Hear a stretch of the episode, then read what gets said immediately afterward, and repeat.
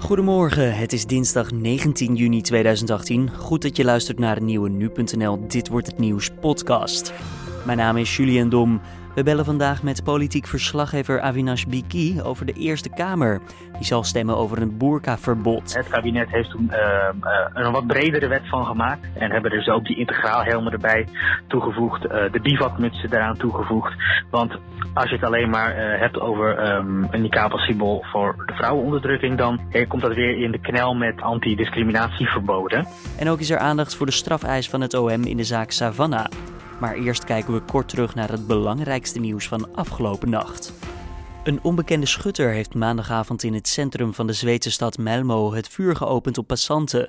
Daarbij viel één dode en raakten vier mensen gewond. De man zou met een jachtgeweer hebben geschoten, dat zegt het Zweedse Openbaar Ministerie. Volgens een politiewoordvoerder is de dode een 18-jarige jongen. De slachtoffers zouden op het moment van de schietpartij net een internetcafé hebben verlaten. Zuid-Korea en de Verenigde Staten hebben besloten om de gezamenlijke legeroefeningen op te schorten. Deze stonden voor augustus gepland. Noord-Korea ziet de oefeningen als provocaties. Zuid-Korea en de VS houden periodiek gezamenlijke legeroefeningen. Vorig jaar deden er aan een soortgelijke oefening 17.500 Amerikaanse en ruim 50.000 Zuid-Koreaanse troepen mee. In Miami is rapper XXX Temptation op 20-jarige leeftijd doodgeschoten. De rapper verliet volgens de politie een winkel en werd onder vuur genomen door twee gewapende personen. Dat gebeurde toen hij weg wilde rijden. Mogelijk gaat het om een roofoverval, al dus de politie. XXX Temptation belandde dit jaar nog met zijn album op de eerste plek in de Amerikaanse album Top 200. Dan kijken we naar de nieuwsagenda van deze dinsdag 19 juni. De Eerste Kamer stemt vandaag over een gedeeltelijk verbod op gezichtsbedekkende kleding, oftewel het boerkaverbod. Deze wet zal mensen verbieden hun gezicht bijna of helemaal volledig te bedekken binnen het onderwijs, het openbaar vervoer, de zorg en overheidsinstellingen. Collega Tamara Awad praat hierover met ons politiek verslaggever Avinash Biki en vroeg wat de wet nou precies inhoudt. Nou, zoals je weet, de, de wet uh, staat een beetje bekend als het boerkaverbod. Maar zo heet die eigenlijk niet. De wet heet uh, de wet gedeeltelijk verbod gezichtsbedekkende kleding. En wat het verbod eigenlijk omhelst is een verbod op het dragen van gelaatsbedekkende kleding. Dat wil zeggen kleding um, die je gezicht bedekken. Dan gaat het over boerka's, niqabs, maar ook over bivakmutsen en die uh, motorrijders dragen. En dat verbod geldt uh, niet overal. Maar in bepaalde sectoren, uh, zoals bijvoorbeeld het openbaar vervoer, in de zorg, in het onderwijs, en als je ook in uh, overheidsgebouwen komt. Nou ja, de Tweede Kamer heeft eigenlijk in 2016 al met het wetsvoorstel ingestemd. Uh, maar er wordt al sinds 2005 al over gesproken in Politiek Den Haag. Waarom heeft dit zo lang geduurd? Nou ja, waarom het zo lang heeft geduurd? In 2005 toen diende de PVV een motie in. Um, die werd overgenomen, maar dat kwam er daarna niet. Heeft te maken met de LPF die toen verdween. Um, vervolgens kwam de PVV via een gedoogconstructie toch in het kabinet, Rutte 1. Die wilde toen gaan invoeren, het boerkaanverbod, in de gehele openbare ruimte. Maar zoals je weet kwam dat kabinet tot een val, vroegtijdig, uh, waardoor dat verbod ook op de plank kwam te liggen. Daarna kwam er een kabinet van de VVD en de PvdA. Toenmalig minister van Binnenlandse Zaken, Ronald Plasterk, pakte dat op. En moet je je voorstellen, um, dan moeten er allemaal adviezen worden ingewonnen. Dan gaan er onderzoeken uh, komen er vervolgens. Dan gaat er een wetsvoorstel, wetsbehandeling. Dan gaat het naar de Raad van State. En dat duurt best wel lang. 2016 werd het dus aangenomen door de Tweede Kamer. Nou ja, dan moet de Eerste Kamer er nog overheen. En dat is, uh, dat is vandaag. Ja, nou, dat duurt zeker lang. Dat uh, kun je wel zeggen. Kun je ook kort toelichten waarom eigenlijk voorstanders een verbod op gezichtsbedekkende kleding wilden? Nou ja, zoals we net ook al uh, hebben geconstateerd, het komt uit 2005. de PVV-motie van toen. Zij zeggen dat de niqab en de burka een symbool is voor vrouwenonderdrukking. Als je dat dus draagt als vrouw, zeggen zij, dan belemmert dat de integratie en de emancipatie van de vrouw. En het draagt bij aan een onveilig gevoel. Maar ja, eigenlijk dat argument konden ze niet overnemen. Het kabinet heeft toen uh, een wat bredere wet van gemaakt. En hebben dus ook die integraalhelmen erbij toegevoegd. Uh, de bivakmutsen eraan toegevoegd. Want als je het alleen maar uh, hebt over um, een niqab als symbool voor de vrouwenonderdrukking, dan uh, komt dat weer in de knel met antidiscriminatieverboden. Waarom is dit nou uh, nodig? Um, nou ja, voornamelijk om de communicatie te bevorderen, zeggen zij. Um, je moet je voorstellen, als je met een integraal helm een overheidsgebouw binnenkomt om een vergunning aan te vragen, dan werkt dat niet, zeggen zij. Nou, hetzelfde geldt voor een niqab of een burka. Ja, dat is eigenlijk de reden. Dit is eigenlijk een beetje een afgezwakt voorstel inmiddels. Ja, dat is zeker een afgezwakt voorstel. Wat je ook al zei, het komt uit 2005. Toen ging het dus echt uh, over de niqab en uh, de burka. Toen werd het opgepakt door uh, kabinet Rutte 1. Toen zou het nog gelden voor de gehele openbare ruimte. Dus niet alleen overheidsgebouwen, bussen, OV um, en uh, scholen, et cetera. Maar gewoon de hele openbare ruimte. Nou, dat is nog verder afgezwakt. Tot op het punt dat het vorige kabinet ook zei van ja, dit heeft helemaal niets met religie te maken, maar het gaat echt puur om uh, het bedekken van je, van je gezicht. Er wordt zoals gezegd dus al heel lang gediscussieerd over het voorstel. Hoe luidt de kritiek? Ja, de kritiek is niet mals hoor. Wat ik ook al zei, als je zo'n wet indient, dan komen er onderzoeken en dan gaat de Raad van State bijvoorbeeld daarnaar kijken. De Raad van State was daar heel, heel duidelijk over en ook vrij pittig. Ze zeggen er zijn onvoldoende argumenten aangedragen door het kabinet om aan te tonen waarom dit verbod nou eigenlijk noodzakelijk is. De Raad van State zegt ook dat het kabinet zich te veel heeft laten leiden door, quote, subjectieve onveiligheidsgevoelens, um, die het verbod niet rechtvaardigen. De Raad van State zegt ook dat er in het voorstel weliswaar wordt gesproken over verschillende gezichtsbedekkende uh, kleding. Maar uh, ja, dat verbod, zij zien het eigenlijk meer als een uitvloeisel van specifieke bezwaren gericht op islamitische gezichtsbedekkende kleding. En bovendien zeggen zij het dragen van uh, een niqab of een burka valt gewoon onder de vrijheid van godsdienst zoals dat in de grondwet staat en uh, in het Europees Verdrag van de Rechten van de Mens. En uh, een van de kritieken is ook, dit gaat maar over een groep van maximaal 200 tot 400 vrouwen die dergelijke kleding dragen. Anderzijds zeggen bijvoorbeeld artsenfederaties ook, die vrezen bijvoorbeeld dat vrouwen nu artsen gaan mijden of zorg gaan mijden. En er wordt ook gezegd, ja, er zijn al huisregels. Als jij gewoon een school binnenkomt, ja, dan heb je geen helm of dan, of dan heb je geen bivakmuts op. Of dan uh, doe jij je niqab uh, af. Dat kan via huisregels ook allemaal geregeld worden. Dus de kritiek is ook, ja, dit is eigenlijk een disproportionele wet. Ja, die kritiek is inderdaad uh, fors als je dat zo hoort. Denk je dat dit verbod er in deze vorm kan komen? Ja, ik denk, dat, ik denk dat er wel een meerderheid voor is. Er is zo lang al over gesproken.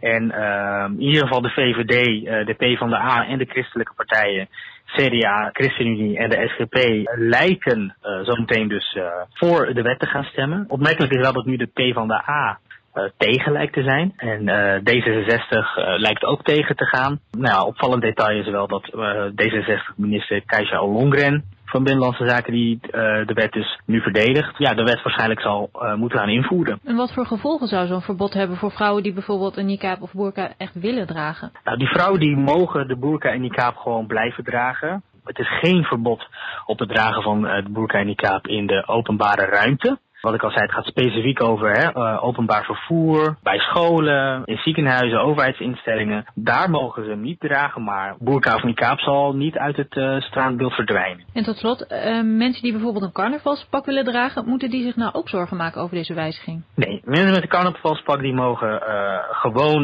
met een masker of een integraal helm of wat dan ook carnaval vieren. Want, zo zegt het kabinet, het verbod geldt niet in tijden van feestelijke en culturele activiteiten. Je hoorde politiek verslaggever Avinash Biki. De 17-jarige jongen uit Den Bosch, die wordt verdacht van betrokkenheid bij de dood van de 14-jarige Savannah Dekker uit Bunschoten, staat vandaag voor de rechter. De inhoudelijke behandeling van de zaak begon gisteren en vandaag komt het OM met de strafeis. Dit gebeurt allemaal achter gesloten deuren, omdat de verdachte minderjarig is. We praten hierover met onze rechtbankverslaggever Joris Peters. Gaat hier om inderdaad wat je al zei, een minderjarige verdachte. En het, meer dan ook is bij dit soort uh, jongens of meisjes belangrijk dat zij een toekomst voor zich hebben. En, en, en daar past dus gewoon een heel groot stuk privacy bij. En dan is daar ook de pers uh, niet bij aanwezig. Overigens is wel, mag de pers wel aanwezig zijn bij de uitspraak. Oké, okay, dat wel. Um, ja. Dus er zijn wel nog een heleboel vragen over deze zaken. Want volgens mij de verdachte die heeft nog altijd ontkend er iets mee te maken te hebben gehad. Ja, dat klopt. Ja. Ja, dus, en dat is de vraag natuurlijk of we daar een beetje antwoord op gaan krijgen. Kijk, de, de, het Openbaar Ministerie weet zelf ook dat bij dit soort zaken er heel veel belangstelling is. Zij zullen dan zelf ook wel met een, uh, met een persbericht komen. Um, en wie is zij, het OM alle... bedoel je? Ja, het Openbaar ja. Ministerie zal dan met een, met een persbericht komen wat er die dag is gebeurd. En zeker met een strafeis en waarom ze die strafeis uh, uitspreken. Um, maar of er inderdaad, ja, er zijn inderdaad nogal wat vragen. En of daar antwoord op komt, dat is nog even, uh, dat is nog even, dat moeten we afwachten. En uh, ja, we moeten ook maar even afwachten wat het Openbaar Ministerie uh, naar buiten brengt. Ja, want de twee kenden elkaar wel, dat heeft de jongen in ieder geval bekend. Maar wat maakt het OM ja. daar dan van?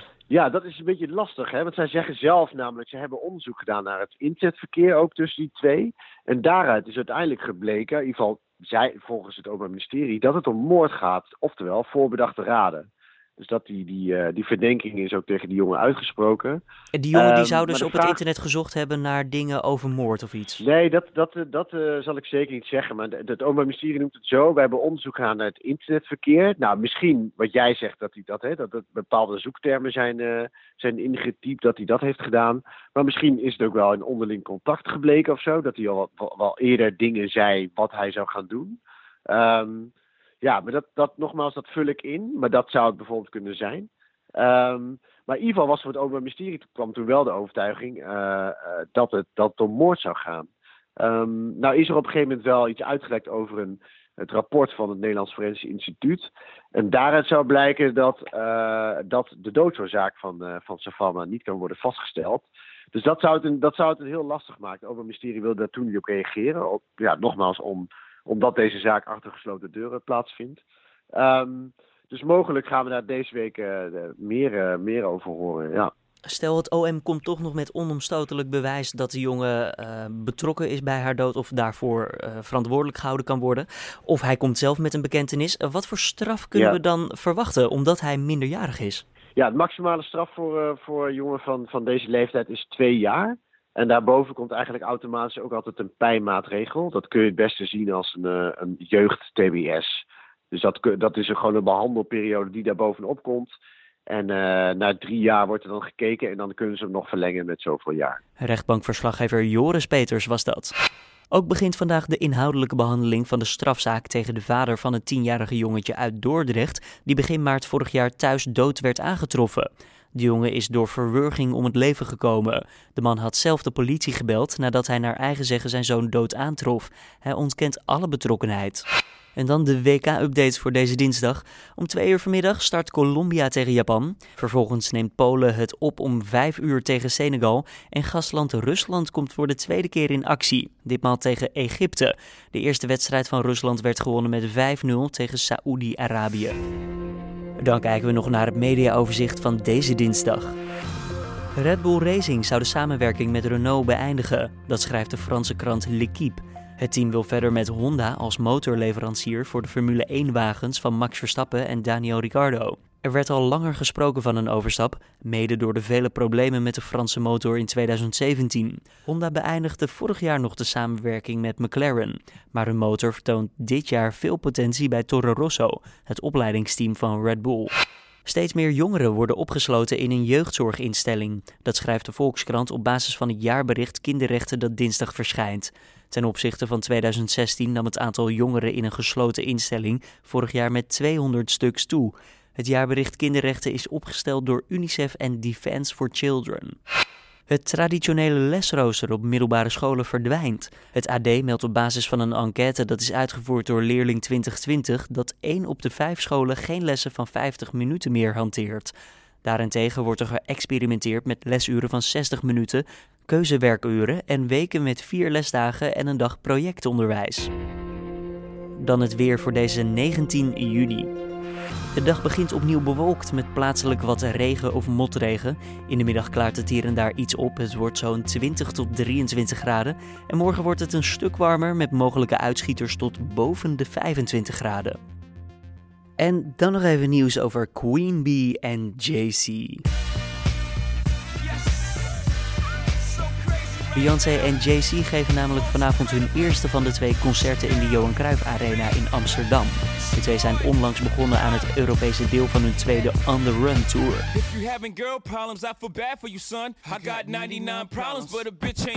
Vorige week bracht het stel ook plots het album Everything Is Love uit. Geruchten over het album bestonden al maanden, desondanks kwam de release toch nog onverwachts. Dit was dan de Dit Wordt Het Nieuws podcast van deze dinsdag 19 juni. Je vindt de podcast maandag tot en met vrijdag om 6 uur ochtends op de voorpagina van nu.nl. Vond je het een toffe podcast? Laat het ons weten via redactie.nu.nl of laat een reactie achter in iTunes. Voor nu, tot morgen.